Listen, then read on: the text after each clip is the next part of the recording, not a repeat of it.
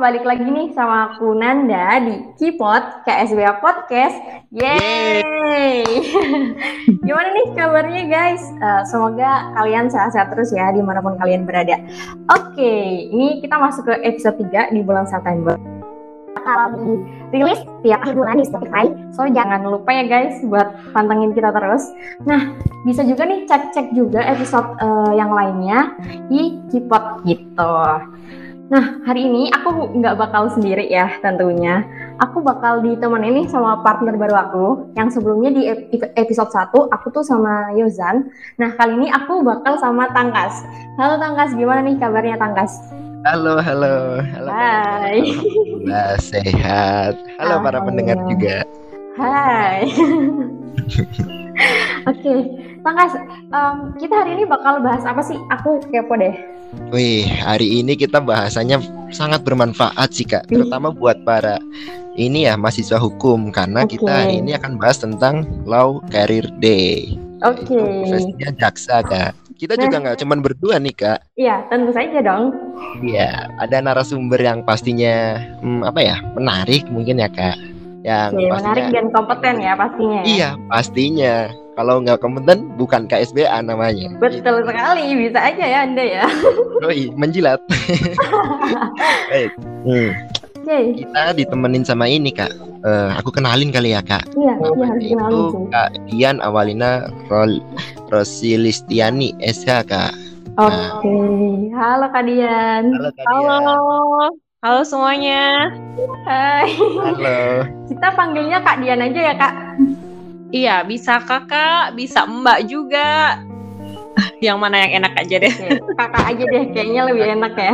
Iya.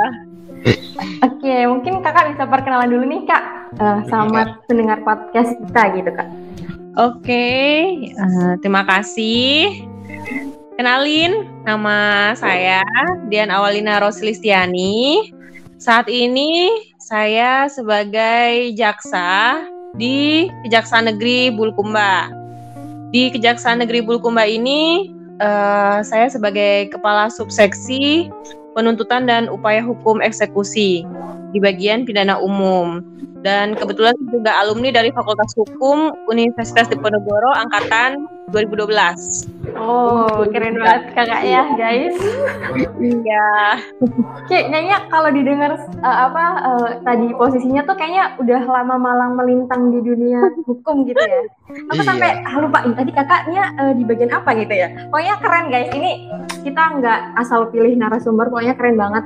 Bakal bahas nih tuntas uh, tentang jaksa gitu ya. Oke. Okay. Aku mm-hmm. mungkin aku dulu nih ya Tangkas yang nanya. Aku udah kepo banget nih sama Kadian sumpah. Siap, siap. Aku bakal banyak nanya sih Kak. Jadi sabarin aja ya Kak sama aku. Siap. Oke. Okay. Aku bakal tanya mulai dari pertanyaan yang basic banget nih. Jadi kan mm-hmm. menurut kakak apa sih yang bikin beda gitu profesi jaksa sama profesi hukum lain? Terus mungkin bisa di-spill nih kak fun fact dari jaksa apa sih kak? Gitu kak. Iya, kalau uh, jaksa dengan pekerjaan yang lain, terutama di bagian hukum ya. Baik kalau jaksa itu dalam persidangan aja kita tahu dia sebagai penuntut umum. Tapi sebenarnya jaksa itu tuh luas ya ada lingkupannya. Dia bisa sebagai ada kan banyak bidangnya di kejaksaan. Ada di bagian pidana umum itu khusus untuk penuntut umum. Terus kemudian ada yang di bidang perdata dan tata usaha. Dia nanti itu uh, berhubungan dengan uh, pemerintahan, dia sebagai pelayan hukum ada memberikan pelayanan hukum, terus ada juga di bidang uh, intel. Intel itu dia sebagai mata dan telinganya kejaksaan. Hmm. Tahu sendiri kan kalau intel dia bisa sebagai bisa juga tuh orang-orang yang kita nggak tahu uh, dia intel ternyata dia tuh seorang intel dari kejaksaan. Jadi macam-macam. Terus uh, kalau untuk ininya di kejaksaan itu sendiri juga dia uh, berbeda dengan yang lainnya dia kan profesinya kalau utamanya dia sebagai penuntut umum hmm. Tapi kalau yang lain-lainnya itu kalau kita sudah masuk di kejaksaannya. Kalau yang lainnya kan kayak dia hakim dia uh, memutus. Kan kalau di bagian yeah. umum itu menuntut itu dia kalau misalkan ada perkara perkara ini di, di bagian pidana umum dia uh, fungsinya sebagai pengacara untuk korban. Gitu. Itu sih yang membedakan kan kalau kayak pengacara kalau bedanya dengan pengacara biasa kalau kami itu pengacara yang dibayar oleh negara. Kalau pengacara-pengacara yang lain itu kayak swasta, dia kan mungkin uh, dibayar atau difasilitasi oleh orang-orang yang uh, memakai jasanya. Iya, iya. Uh, gitu. Itu itu perbedaannya. Kalau di persidangan ya, ya. kan ada tiga kan, ada pengacara, ada hakim, ada jaksa. Jaksa itu yang menuntut. Itu. Itu okay. deh oke okay, thank you kak. Aku dapat insight baru nih. Ternyata tuh intel nggak cuma dari kepolisian nih kak? Jadi jaksa punya intel juga. Iya iya betul itu. Mm. aku baru tahu. Oke mungkin tangkas juga kayak apa nih. Mau nanya apa nih ya tangkas? Ya dong pasti kepo banget nih. Aku juga nggak kalah uh, ini kak nggak kalah apa banyak pertanyaan kayak kalian Iya. kalah ke pokoknya. Jadi uh, sependek pengetahuanku ya kak. Iya. Di pemerintah itu kan ada struktur struktur instansi kak. Nah, uh. Untuk kejaksaan sendiri itu struktur instansinya seperti apa ya kak? Oke, kalau dari yang paling tinggi ya, di pusat itu ada Kejaksaan Agung. Membawahi di bawahnya itu ada Kejaksaan Tinggi, dia itu di provinsi. Kayak di Provinsi Jawa Tengah, itu ada Kejaksaan Tinggi Jawa Tengah. Nah, di bawahnya itu ada Kejaksaan Negeri. Jadi dia lingkupannya kabupaten-kabupaten atau kota. Contohnya Kejaksaan Negeri Semarang atau Kejaksaan Negeri uh, Tegal, Brebes gitu. Nah, di bawahnya lagi lingkupannya itu ada cabang, cabang kejaksaan. Kalau di Semarang ada di cabang Kejaksaan Negeri Pelabuhan di Semarang. Tapi dia menginduk di Kejaksaan Negeri Kota Semarang. Biasanya lingkupannya itu kalau misalkan dia uh, luas wilayahnya. Jadi dia dibagi menjadi kecabang gitu. Kalau saya sendiri ini di Kejaksaan Negeri Bulukumba itu di Sulawesi Selatan. Dia berarti lingkupannya kejaksaan negeri ya, gitu. Oh. Gitu. Oh, alah. Gitu deh. Hmm. Aku baru iya. tahu itu yang cabang kejaksaan malah. Iya, iya. sama. aku sih. juga. Sama ya, Kak? Iya. Ternyata cakupannya luas banget ya. Iya, mungkin baru banyak yang tahu sih itu mengenai cabang kejaksaan mm. karena kan baru mereka taunya cuma kejaksaan negeri aja gitu. Yeah, iya, udah relate banget sama aku kak. Kalau misalkan dia lingkupannya uh, luas, itu pasti dia punya cabang sih. Di Semarang itu ada cabangnya di daerah pelabuhan. Hmm. Mm -mm. masih mengekor sama kejaksaan yang Iya. Oh. Iya, menginduk di kota Semarang. Jadi tetap kalau kita kayak bersidang atau ada uh, apa ya kayak pelatihan atau mungkin upaya hukum apa apa gitu tetap ke kejaksaan negeri di kota Semarang dan kalau bersidang pun juga di pengadilan negeri Semarang kota Semarang bukan di kabupaten Semarang gitu. Oh alah. Mm-hmm. Tahu aku ini. Wih, ilmu baru. Iya. Iya, ilmu baru. Ini udah dapat dua ilmu baru nih aku. Oke, okay. Tangkas mau tanya lagi nggak? Atau aku dulu nih yang mau nanya? Hmm, boleh deh Kak Nanda deh. Oke, okay. aku mulai kepo lagi nih Kak. Nah, iya. Kan udah bahas struktur kan. Terus uh. aku pengen tahu nih, jadi tuh jaksa bisa nggak sih kak ditempatkan di instansi lain gitu? Selain di kejaksaan tuh sebenarnya bisa nggak sih kak? Mm -mm. Iya dek bisa. Bisa itu uh, ditempatkan di instansi lain. Mungkin yang kalian sering dengar itu di KPK ya. Mm -hmm. Nah di KPK itu bisa. Tapi dia ada persyaratan khusus yang harus uh, dipenuhi dulu Contohnya itu dia harus uh, pangkatnya 3C. Terus umurnya saya lupa berapa, tapi minimalnya berapa, tapi dia nggak sampai 40 tahun. Okay. Nah, terus juga dia harus uh, dalam bidangnya pidana khusus kayak menangani korupsi, itu sudah beberapa tahun juga, ada sertifikasinya juga. Mm-mm. Nah, setelah dia memenuhi persyaratan itu, terus kemudian ikut seleksi. Nah, dari seleksi itu juga nanti yang eh, menyeleksi dari pihak KPK. Jadi mereka independen begitu loh memilihnya. Mm-mm. Selain di KPK juga ada beberapa instansi lain yang juga eh, sering bekerja sama dengan pihak kejaksaan dan akhirnya mereka sebagai jaksa di sana juga gitu. Oh. Contohnya itu di bidang kayak BNN gitu. Terus ada juga di kementerian-kementerian lain juga sering kok. Karena waktu saya jadi waktu saya waktu pendidikan jaksa itu sering dapat eh, mentor dari orang-orang yang dulu pernah jadi jaksa, tapi akhirnya mereka mendaftar di kementerian lain. Oh ya, kayak contohnya BNPT itu ya, Badan Nasional eh Terorisme, Iya. penanggulangan terorisme. Nah, itu juga ada itu dari jaksa yang dulunya terus kemudian dia mendaftar di situ akhirnya keterima akhirnya dia lepas jaksanya terus kemudian dia lanjutkan di di sana.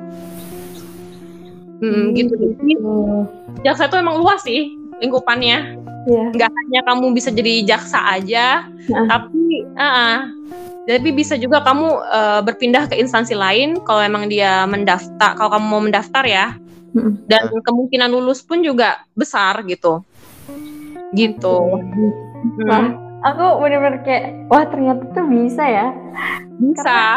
Setahu Iya, aku tuh kayak aku cuma dengar dengar dengarnya kayak ya jaksa di kejaksaan gitu kan. Ternyata iya. tuh bisa luas ya kak bidangnya di kementerian, terus bisa di KPK, kementerian. di BNN. Yang penting Mm. eh, masuk sih kualifikasinya ya kak. iya betul Sama itu Pengalaman juga. Mm-mm. Nggak cuma Oke. sekedar di kejaksaan atau pengadilan doang berarti ya kak? Iya iya. Iya, Iya, enggak Kak. itu Wah, luas keren. banget kalau kejaksaan Iya. sih Heeh. Wow. Oh iya nih aku mau lanjut tanya nih kak. Eh tadi kan udah dijelasin tuh tentang eh, segala macam tentang kejaksaannya kak. Ini eh, kan pastinya teman-temanku juga pasti banyak yang tertarik untuk menjadi jaksa kak kelak nanti. Iya, iya. Nah selain yang diperlukan seorang jaksa kan pastinya harus paham tentang hukum ya kak. Harus Iya pasti sih harus itu. Nah, tapi selain eh, harus memahami tentang hukum, itu apalagi sih Kak? Eh, mungkin soft skill kali ya, yang harus dimiliki seorang jaksa Kak. Ya kalau jadi jaksa soft skill itu penting banget sih, terutama mengenai komunikasi kan, komunikasi bertanggung jawab juga disiplin. Itu perlu sekali buat kalian yang mau masuk jadi jaksa. Kayak komunikasi nih, contohnya saya berhadapan dengan eh, para tersangka atau terdakwa terpidana gitu. Itu kan kalian tidak semua orang, misalkan yang di sini contohnya di Bulukumba sendiri, saya orang Jawa. Nah, saya harus bisa berkomunikasi dengan orang sini yang mungkin notabene kita kita nggak tahu ini bahasanya mereka seperti apa Mm-mm. gitu. Itu yang mm, itu yang agak susah. Awal-awal itu saya juga aduh gimana ya caranya ini biar mereka paham yang lagi beberapa orang pun juga ada yang nggak paham bahasa Indonesia. Itu susah sekali. Hmm, iya benar. itu nggak bisa bahasa Indonesia bisanya bahasa sini lagi. Sini kan bahasanya kan bahasa konjo ya daerahnya. Itu nggak bisa gimana ya caranya gitu kan nah karena saya dari di kuliah juga beberapa kali sempat ikut organisasi termasuk KSBA juga itu Widih. Oh, Iya, iya, alumni KSBA ya. Iya. KSBA. saya dulu kan kepala departemennya PSDM adek Senior Kak Nanda ini mas. Iya. aku harus banyak berguna makan dia nih selain tanya-tanya tentang jaksa. iya aku dulu kepala PSDM-nya zamannya Kak Arfian Stiantoro Iya, iya, aku kenal. Nah itu gimana ya caranya biar mereka ini paham dengan bahasa saya? Paling nggak minimal bahasa Indonesia gitu kan? Mau nggak mau saya harus bisa eh, belajar bahasa sini juga, tapi mungkin dengan dialek ya, dialek atau ada imbuhan-imbuhan yang akhirnya bisa mereka paham dan mengerti gitu dengan apa yang saya ucap. Makanya alhamdulillahnya mereka bisa memahami juga dengan apa yang saya ucapkan gitu kan itu sih terus kemudian uh, juga mengenai uh, disiplin juga kan dan bertanggung jawab ini kita ini dikasih berkas banyak banget sama kayak kita juga waktu kuliah dikasih tugas banyak banget sama dosen gitu. Iya, yeah, iya. Yeah. Tugas kelompok gitu kan. Nah, gimana ini caranya? Kita nggak mungkin dong untuk lepas tangan. Nah, dari situ aja kita belajar untuk bertanggung jawab sama disiplin dengan apa yang sudah pimpinan kasih ke kita. Itu awal mulanya sih, Dek. Awal mulanya dari tugas. Kelompok, tugas mandiri, terus kemudian naik lagi ketika kita kerja dikasih tugas banyak banget sama pimpinan. Nah, mau nggak mau kita harus juga menyelesaikan itu gitu.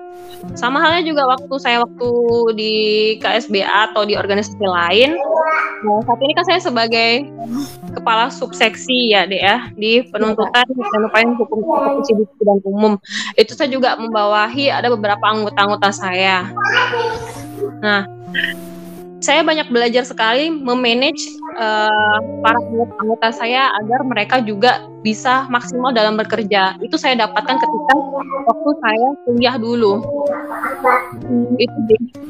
Coba kalau misalkan saya nggak ada pengalaman dalam hal mengenai bagaimana cara memanage untuk uh, anggota-anggota gitu kan yang saya dulu nggak pernah saya dapatkan di kuliah mungkin saya kebingungan sekarang gimana ya caranya ini? Gitu kan. Iya benar benar. tahu caranya gimana ini. Pasti uh, hasil di kerjaan sekarang pun juga nggak maksimal. Dan alhamdulillahnya mereka pun dengan kinerja saya sekarang ini juga mereka senang gitu dan semuanya pun juga berjalan maksimal gitu. Gitu dari uh, menguasai hukum uh, apa ya namanya ya? Uh, belum cukup ya kak. Tapi iya benar. nggak cukup. Kalau menurutku sih hanya soft skills hanya pelajaran saja itu kurang. Kurang ya kak? Iya, perlu juga soft skill yang kalian asah dari ya kali mulai dari public speak, speaking juga itu kan berkomunikasi, ya, ya. Nah, ya, juga. jawab, itu perlu juga. Terus ya terus juga kan kita kalau udah kerja juga bekerja dalam tim. Tim kelompok kan itu kan juga kita dapatkan waktu kuliah. Yeah. kayak misalkan di luar pelajaran ya kak? Nah iya di luar kelas gitu. Luar pelajaran banget deh. Nggak pernah kita dapatkan apa dosen kayak ngajarin mengenai itu kan enggak kan. Kita kan mm-hmm. tahu kita berorganisasi. Apalagi kalau misalkan kayak ini aja dalam lingkupan dalam tim atau uh, di UKM gitu kan kita kayak jadi kadepnya. Uh itu gimana sih cara mengontrol emosi masing-masing person itu kan dari dari dulu itu. Hmm. nah makanya setelah kita menduduki suatu jabatan di kerjaan itu berguna banget. Berguna banget sih. Itu yang kayak waktu kuliah pelajari sekarang berguna saat saya bekerja. Gitu. Oke, okay. itu guys buat kalian yang tertarik jadi jaksa, uh, ningkatin soft skill di mana? Di KSBA dong. Join. Sekali. Bener enggak tuh? Bisa Terus kalau dapat tugas dari dosen tuh jangan ngeluh ya, karena itu iya, iya, iya. ya kan. Betul ya, jangan ngeluh ngeluh mulu gitu. Betul sekali. eh, kan Anda mau tanya apa lagi nih, kan Anda? Oke, nanya ini sih nyambung sih. Tadi kan uh, Pangkas nanya soft skill kan, terus aku hmm. nanya nih mungkin ini lebih ngarah ke kualifikasi atau syarat jadi jaksa sih kak, hmm. jaksa muda lah lebih tepatnya kan, gitu. Iya. Oh iya, oke. Okay pertanyaannya tuh bagus banget sih ini untuk yang pengen masuk kejaksaan ya. Iya bisa di skill ya kak. dipersiapkan ya kan. Uh, harus dipersiapkan hmm. banget ini dari sekarang kalau emang mau masuk kejaksaan. Jadi waktu dulu itu uh, saya yang dipersiapkan itu uh, kan Halo? Halo, halo, Kak. Halo, halo. Kedengeran ya? Iya, aman, aman Kak, aman. Jadi dulu itu di BKN ada pendaftaran di kejaksaan kan ada persyaratan-persyaratannya kalau untuk di kejaksaan agung itu kalau untuk formasi yang calon jaksa dia harus sarjana hukum. Oke. Okay. Iya, dia harus sarjana hukum. Terus kemudian uh, penting sekali itu mengenai berat badan dan tinggi badan itu harus balance ya. Wow, ternyata. Nah, jadi ya, harus balance, gak boleh kekurusan atau kegendutan itu nggak bisa. Oh, gitu. Kalau cewek itu tinggi badannya minimal 155, kalau cowok 160 cm. Itu. Eh, jadi harus balance dan nggak boleh ada tatunya juga. Hmm. Itu nggak bisa kalau ada tato. Tapi kalau kayak uh, operasi bekas operasi gitu nggak masalah. Hmm. Gitu. Itu sih syarat awalnya. Terus Syarat yang lainnya itu karena sekarang dari zamannya saya tahun 2017 itu masuk atau kayak tahun sebelumnya itu sudah ada dia harus uh, lolos yang namanya SKB sistem kompetisi bersama yang ada di TKP, TWK. Nah, kalau itu kan sekarang kalian bisa belajar sendiri lah ya itu kalau yang itu kan sekarang juga baru uh, tempat kursus atau uh, mungkin ada guru yang belajar privat gitu. Itu kayak pelajaran-pelajaran kayak matematika dasar gitu gitu. Itu harus lulus dulu. Kalau di kejaksaan itu nilainya 40% nah setelah lulus itu baru dia ada tes oh maaf tadi yang tadi itu SKD yang selanjutnya tes SKB sistem uh, uh, seleksi kompetensi bidang bidang hukum itu di situ tuh baru kemampuan kalian itu diasah. Jadi kemampuan hukum pidana perdata itu eh, diasah di sana. Di SKB ya? Terus ya ada bahasa Inggris juga sih. Nah itu penting kan di sini kan? Iya. KSBA ya, itu bener. penting ya, banget. Itu juga uh -uh, karena di sana itu di kejaksaan itu ada bahasa Inggrisnya. Jadi harus dari sekarang kalau memang mau masuk kejaksaan harus benar-benar diasah banget di kejaksaan itu. Ada tesnya, beberapa soal hmm. mengenai bahasa Inggris dan banyak ya. Nggak cuma sedikit. Nah, setelah itu kalau di kejaksaan itu dia juga si yang paling menentukan banget ya di kejaksaan itu tuh ada tes psikotes dan kesehatan. Oke. Okay. Nah, kalian harus sehat sama jiwa kalian juga harus sehat. Nah, tipsnya saya sih kalau menurut aku kalau memang dari awal memang pengen banget masuk kejaksaan itu harus dicek dulu kesehatannya karena nanti uh, sayangnya kalau misalkan di tes tahap terakhir di bagian psikotes atau kesehatan gagal, walaupun nilai SKB atau SKDmu itu tinggi, kalau psikotes dan kesehatanmu itu tidak terpenuhi, kamu akan gagal masuk juga di kejaksaan deh gitu. Waduh. Wah. Uh, banget ya, itu. Iya, terakhir memang. Memang ya gitu. Makanya dari awal uh, memang harus kayak dicek dulu mm. kesehatannya. Uh, bagaimana dokter memeriksa kalau memang dirasa mereka bilang uh, sehat tidak ada masalah Mm-hmm. Bagusnya memang nggak masalah untuk masuk uh, kejaksaan karena memang nyeseknya situ banyak sih teman-teman saya juga yang dulu dari undip juga gitu kan sudah tes terakhir nih SKD tinggi, SKB-nya yeah. tinggi, uh. tapi pas waktu dia dites ke psikotesnya itu dinyatakan tidak lulus. Waduh. Nah, Waduh. Itu sakit banget. Iya. sakit banget. Sakit banget ya uh, nyesek banget. Nah makanya itu sih tips saya sih dari awal tuh kalau yang masuk kejaksaan dites dulu paling nggak psikotes sama kesehatannya dulu. Kalau di psikotes itu kalau zamannya saya dulu tahun 2017 itu saya tesnya di awal masuk sebelum kejaksaan ya itu di dekat rumah sakit Karyadi itu loh psikotes ada tes psikotes di sana. Oh. saya lupa namanya apa itu tapi di situ coba tes dulu kayak gimana. Kalau dirasa memang menurut mereka baik gitu kan uh, kita nggak apa-apa sih untuk lanjut uh, kalau ada pembukaan tes kejaksaan daftar tes kejaksaan gitu karena gitu karena dia kalau salah satu aja dari psikotes atau kesehatan ini nggak lolos ya pasti hmm. nggak hmm. akan bisa lanjut sampai tahap selanjutnya walaupun nilai kamu tinggi hmm, gitu.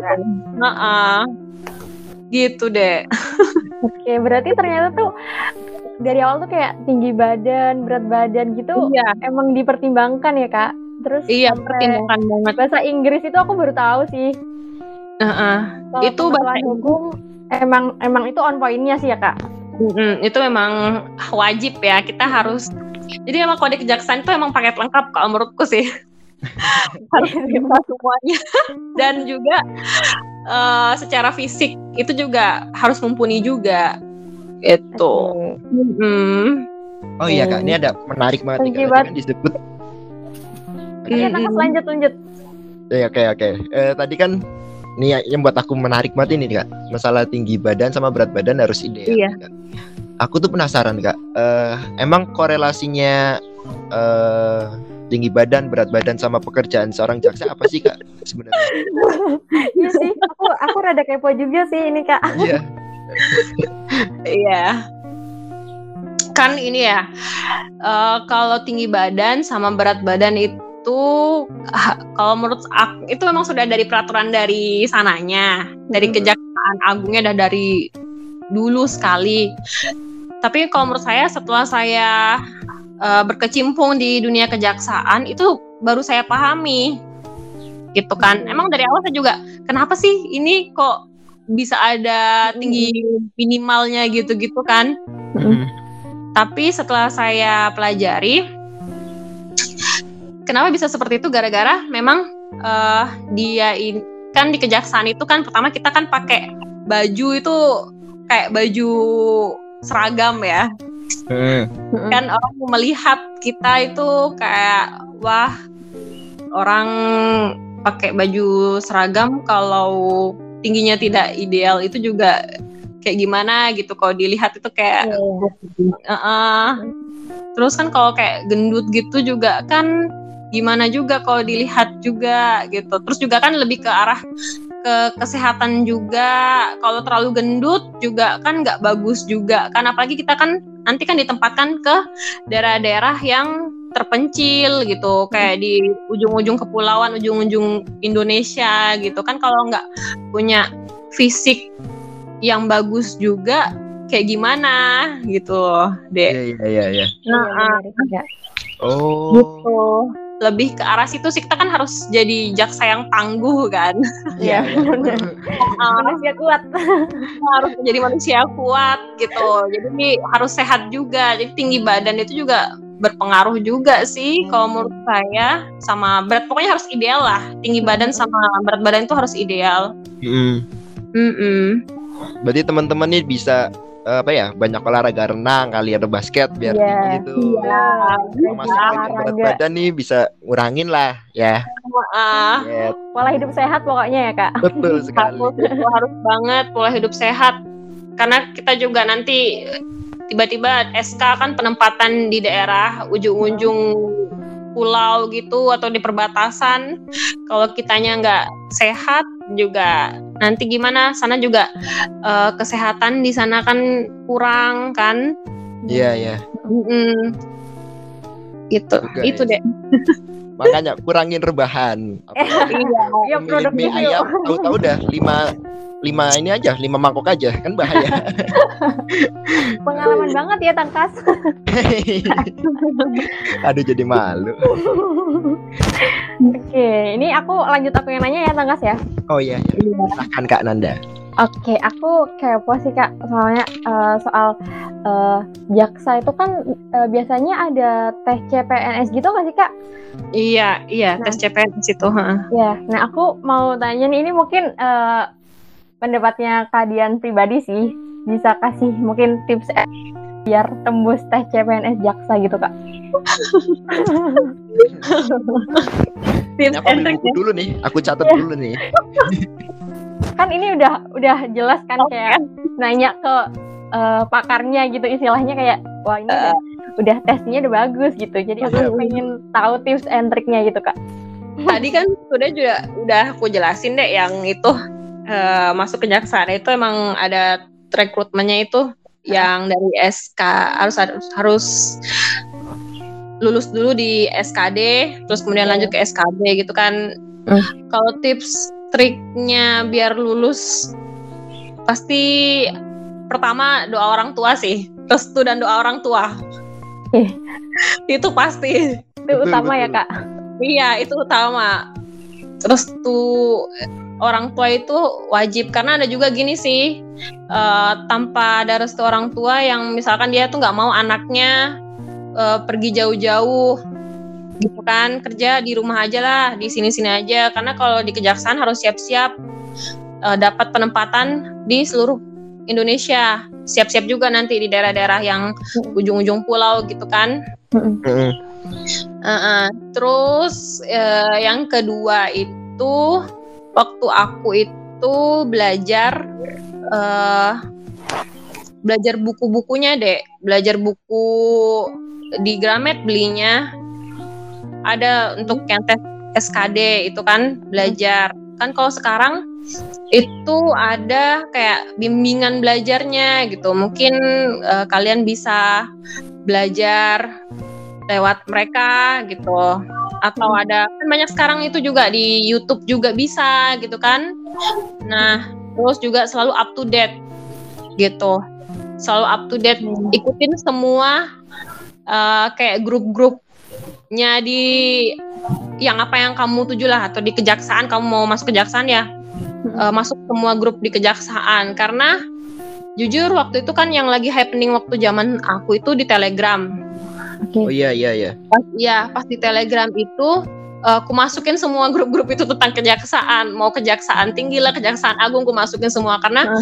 di situ tuh eh, kita secara nggak langsung dapat info-info deh dari situ tuh dapat info-info yang kayak misalkan teman-teman kita pun belum tentu tahu. Contohnya kayak bocoran soal gitu. Oh gitu. bocoran soal gitu tuh eh, eh. terus eh, atau soal-soal tahun-tahun kemarin. Nah kayak mereka mereka tuh tanya ke aku kamu tahu dari mana? gitu. Aku tahu dari ini masuk di telegram gitu. Makanya kita harus selalu up to date dan selalu mencari informasi. Gitu kan kita ngerasa kita ini eh, kurang kan. Makanya kita harus lebih lebih dan lebih tahu banyak hal tentang ini instansi gitu. Makanya kayak gitu harus eh, lebih kamu yang proaktif lah mencari informasi. Heeh. itu. Jadi kalau masalah apa-apa belajar HP iya. Dapat informasi, ya kan? Iya.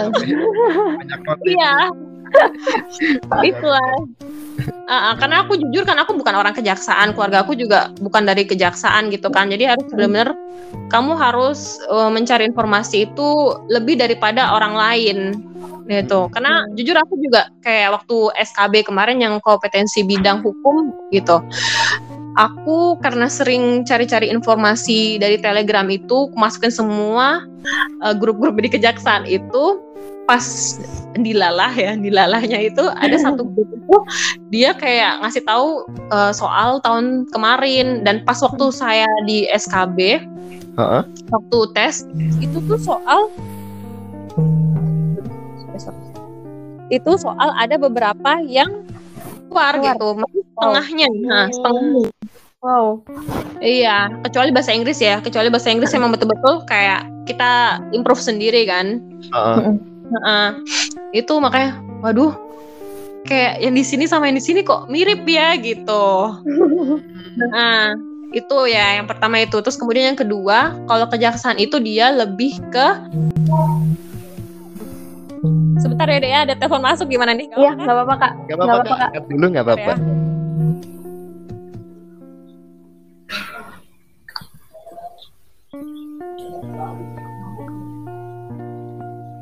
Vamos, vamos.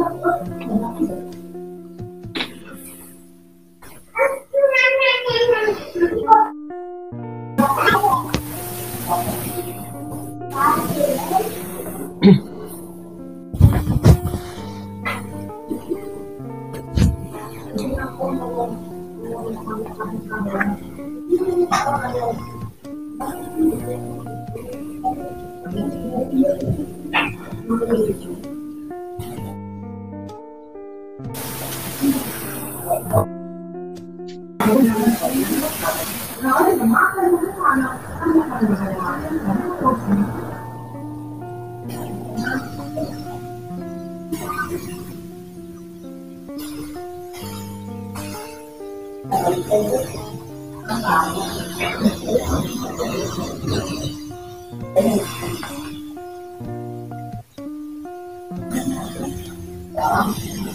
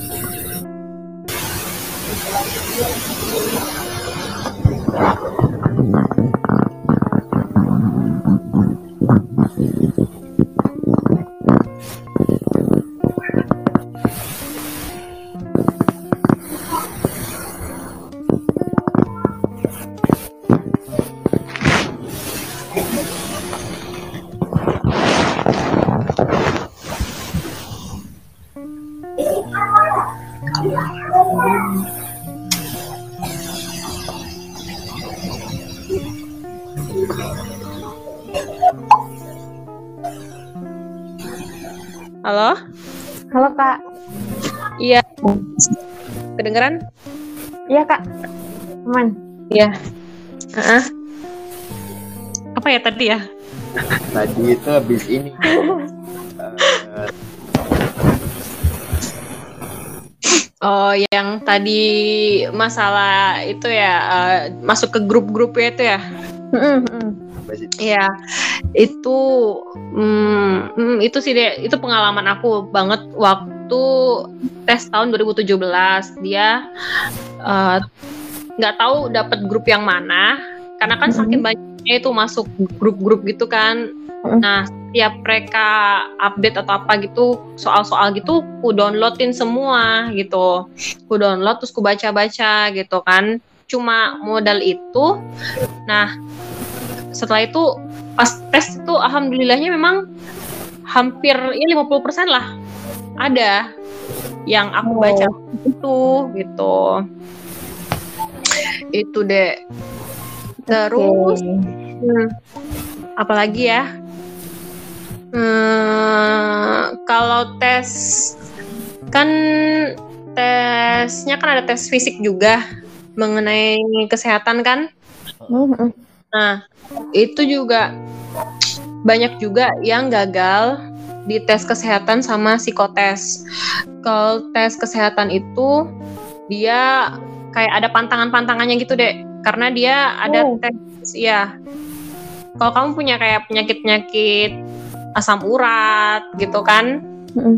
kalau menurut aku mending jangan minum obat atau ya, apa kan biasanya tuh kalau yang karena kebetulan kemarin memang adikku juga Mhm. daftar kesehatan juga. Oh, Nah, dia gagal di tes kesehatannya. Nah, waktu itu dia kan ke dokter. Terus kemudian waktu itu dia disarankan untuk minum obat sama dokternya. Mhm. Nah, pas eh, dites lagi di sana, itu katanya asam uratnya emang udah turun.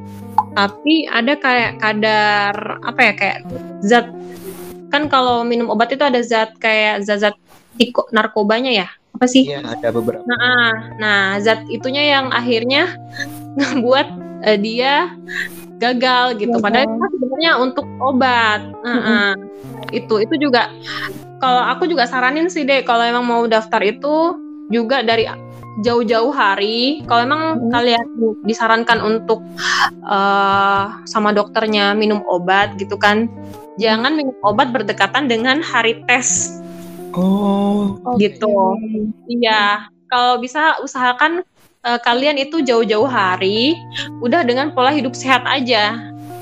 penting Nah, banget jadi berarti kalau ya, pola dari- hidup sehat. Heeh, dari pola jala- jaga pola hidup sehat aja deh. Karena kalau minum obat itu mereka itu kan yang namanya kita kan saingan banyak banget ya ribuan orang. Pasti akan mencari yang terbaik kan. Nah, ketika itu mungkin dia ada titik salahnya di bagian sedikit itu aja. Nah, itu yang bisa membuat kamu gagal. Padahal sebenarnya kan itu bukan zat yang berbahaya, itu zat berbahaya, tapi kan diizinkan. Iya. Cuma itu yang membuat kamu juga gagal tes gitu. Oh, Heeh, Oh. itu pelajaran banget sih buat mungkin kalian yang mau mendaftar ya. iya ya. Mendaftar di kejaksaan, kalau memang mau dari awal tuh memang harus dipersiapkan segala hal. Dari fisik kalian juga harus kuat, jangan ada sering minum obat gitu.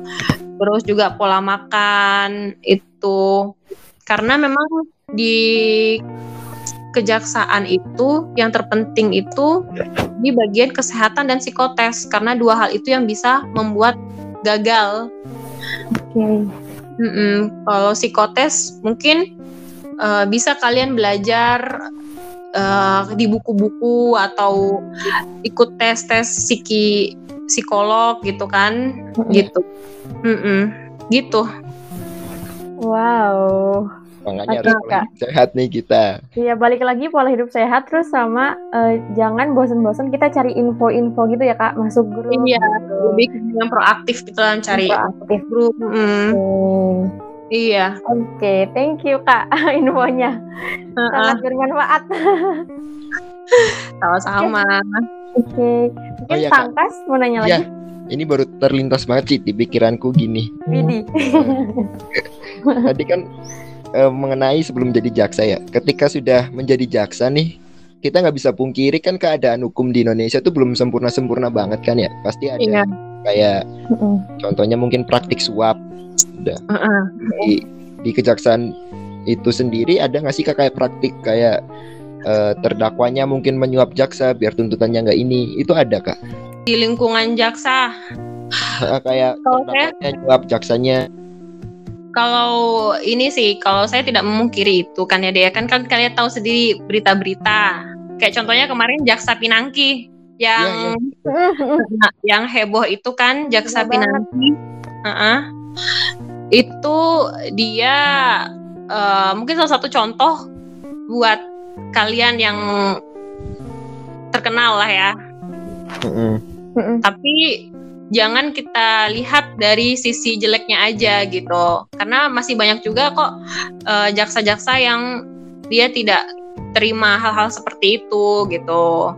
Mm-mm. gitu karena memang eh, mungkin dia seperti itu ya mungkin karena ada suatu keadaan atau bagaimana saya juga kurang paham sih Mm-mm. Heeh, gitu deh berarti eh, balik lagi ke pribadi masing-masing orang ya kak Iya, balik lagi ke pribadi masing-masing orang sih. Heeh, karena jangan kayak melihat oh jaksa itu kayak gitu ya.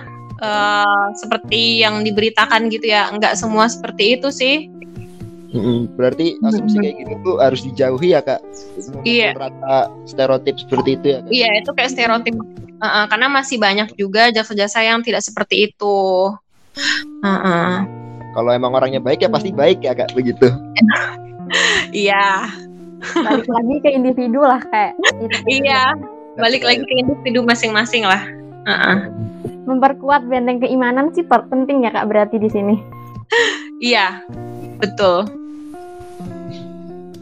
kak Nanda mau tanya nggak nih kak Nanda sebenarnya pertanyaanku udah dijawab sama Kak Dian sih. Aku mau nanya soal uh, tadi jaksa pinangki, tapi udah kejawab sih. Mungkin Tangkas mau tanya lagi gak? Mungkin ini pertanyaan penutup kali ya, karena melihat durasi juga nih. Padahal iya. pengen banyak, cuman durasi. Iya masih kepo kak, tapi kita terhalang oleh waktu. Iya. Oh iya, setengah jam ya waktunya ya. Hmm. Jadi mungkin ini pertanyaan terakhir gini kak. Uh, ini kan podcast kita nih nggak cuma disaksikan sama anak-anak undip doang nih kak, seluruh yeah. Indonesia. Nih. Nah, ada pesan untuk uh, mahasiswa hukum di seluruh Indonesia nggak sih kak tentang ya mungkin tentang ingin jadi jaksa ataupun biar kuliahnya semangat gitu-gitu kak? Ada nggak kak yang ingin disampaikan kak? Uh, iya, pesannya untuk uh, teman-teman semua terkhususnya untuk adik-adik yang mau masuk jadi jaksa gitu kan. Yang pertama sih kalian harus persiapkan segala hal gitu dalam uh, ketika kalian mau masuk kejaksaan Contohnya dari fisiknya juga harus sesuai dengan persyaratannya gitu kan. Kalau yang masih belum sesuai dengan persyaratannya uh, kayak contohnya mungkin berat badannya masih belum ideal gitu. Bisa dari sekarang kalian mulai dengan pola hidup sehat gitu kan. Terus juga uh, Hmm, kalau dari sekarang memang mau masuk jadi jaksa juga harus dipersiapkan uh, kan ada tes bahasa Inggris juga. Jadi ini uh, UKM KSBA itu sudah uh, di dalamnya juga dia kan ada kegiatan kayak sekolah bahasa Inggris juga kan ya? Iya betul. Kelas pendidikan ya kelas bahasa juga kelas bahasa Inggris. Nah itu harus diperdalami lagi karena uh, di kejaksaan itu ada tesnya mengenai bahasa Inggris. Mm. Uh, nah ini UKM ini nih uh, harus banget kalian ikuti gitu karena nanti akan berguna banget ketika kalian akan masuk ke kejaksaan. Terus uh, kalian juga harus lebih proaktif juga dalam mencari informasi karena kita nggak ada yang tahu informasi yang mana yang nanti akan berguna buat kita gitu. Terus juga hmm, harapannya sih nanti uh, semoga di sini uh, di alma mater sini di uh, KSBA atau di Universitas Diponegoro gitu bisa uh, mengharumkan lah nama alma mater di bidang Amin. apa pun itu Amin. di pekerjaanmu uh-uh. dan selalu menjadi contoh gitu Amin Amin, semoga bisa lah ya kita semua bisa bisa iya Allah Amin. Oke, ini thank you ya. banget nih buat kalian. Aku iya. beneran dapat insight baru kayak wah dari sampai uh, ibaratnya kayak info-info kecilnya tuh aku dapet gitu kak. Thank you banget kak. Ya, sama thank you banget waktunya. Ini sama-sama. kayaknya lagi sibuk banget tapi oh nyempetin ya buat sharing sama kita gitu. Keren banget iya maaf. Kalau misalkan ada hal-hal yang mungkin kurang uh, dari penjelasan aku gitu. Udah udah bagus kok kak. Udah aku udah nangkep ilmunya gitu. Mm -hmm. Okay. Cuma uh, mungkin teman-teman yang pada kepo nih kak, mungkin mau tanya-tanya tentang jaksa tuh bisa tanya ke kakak secara langsung enggak ya?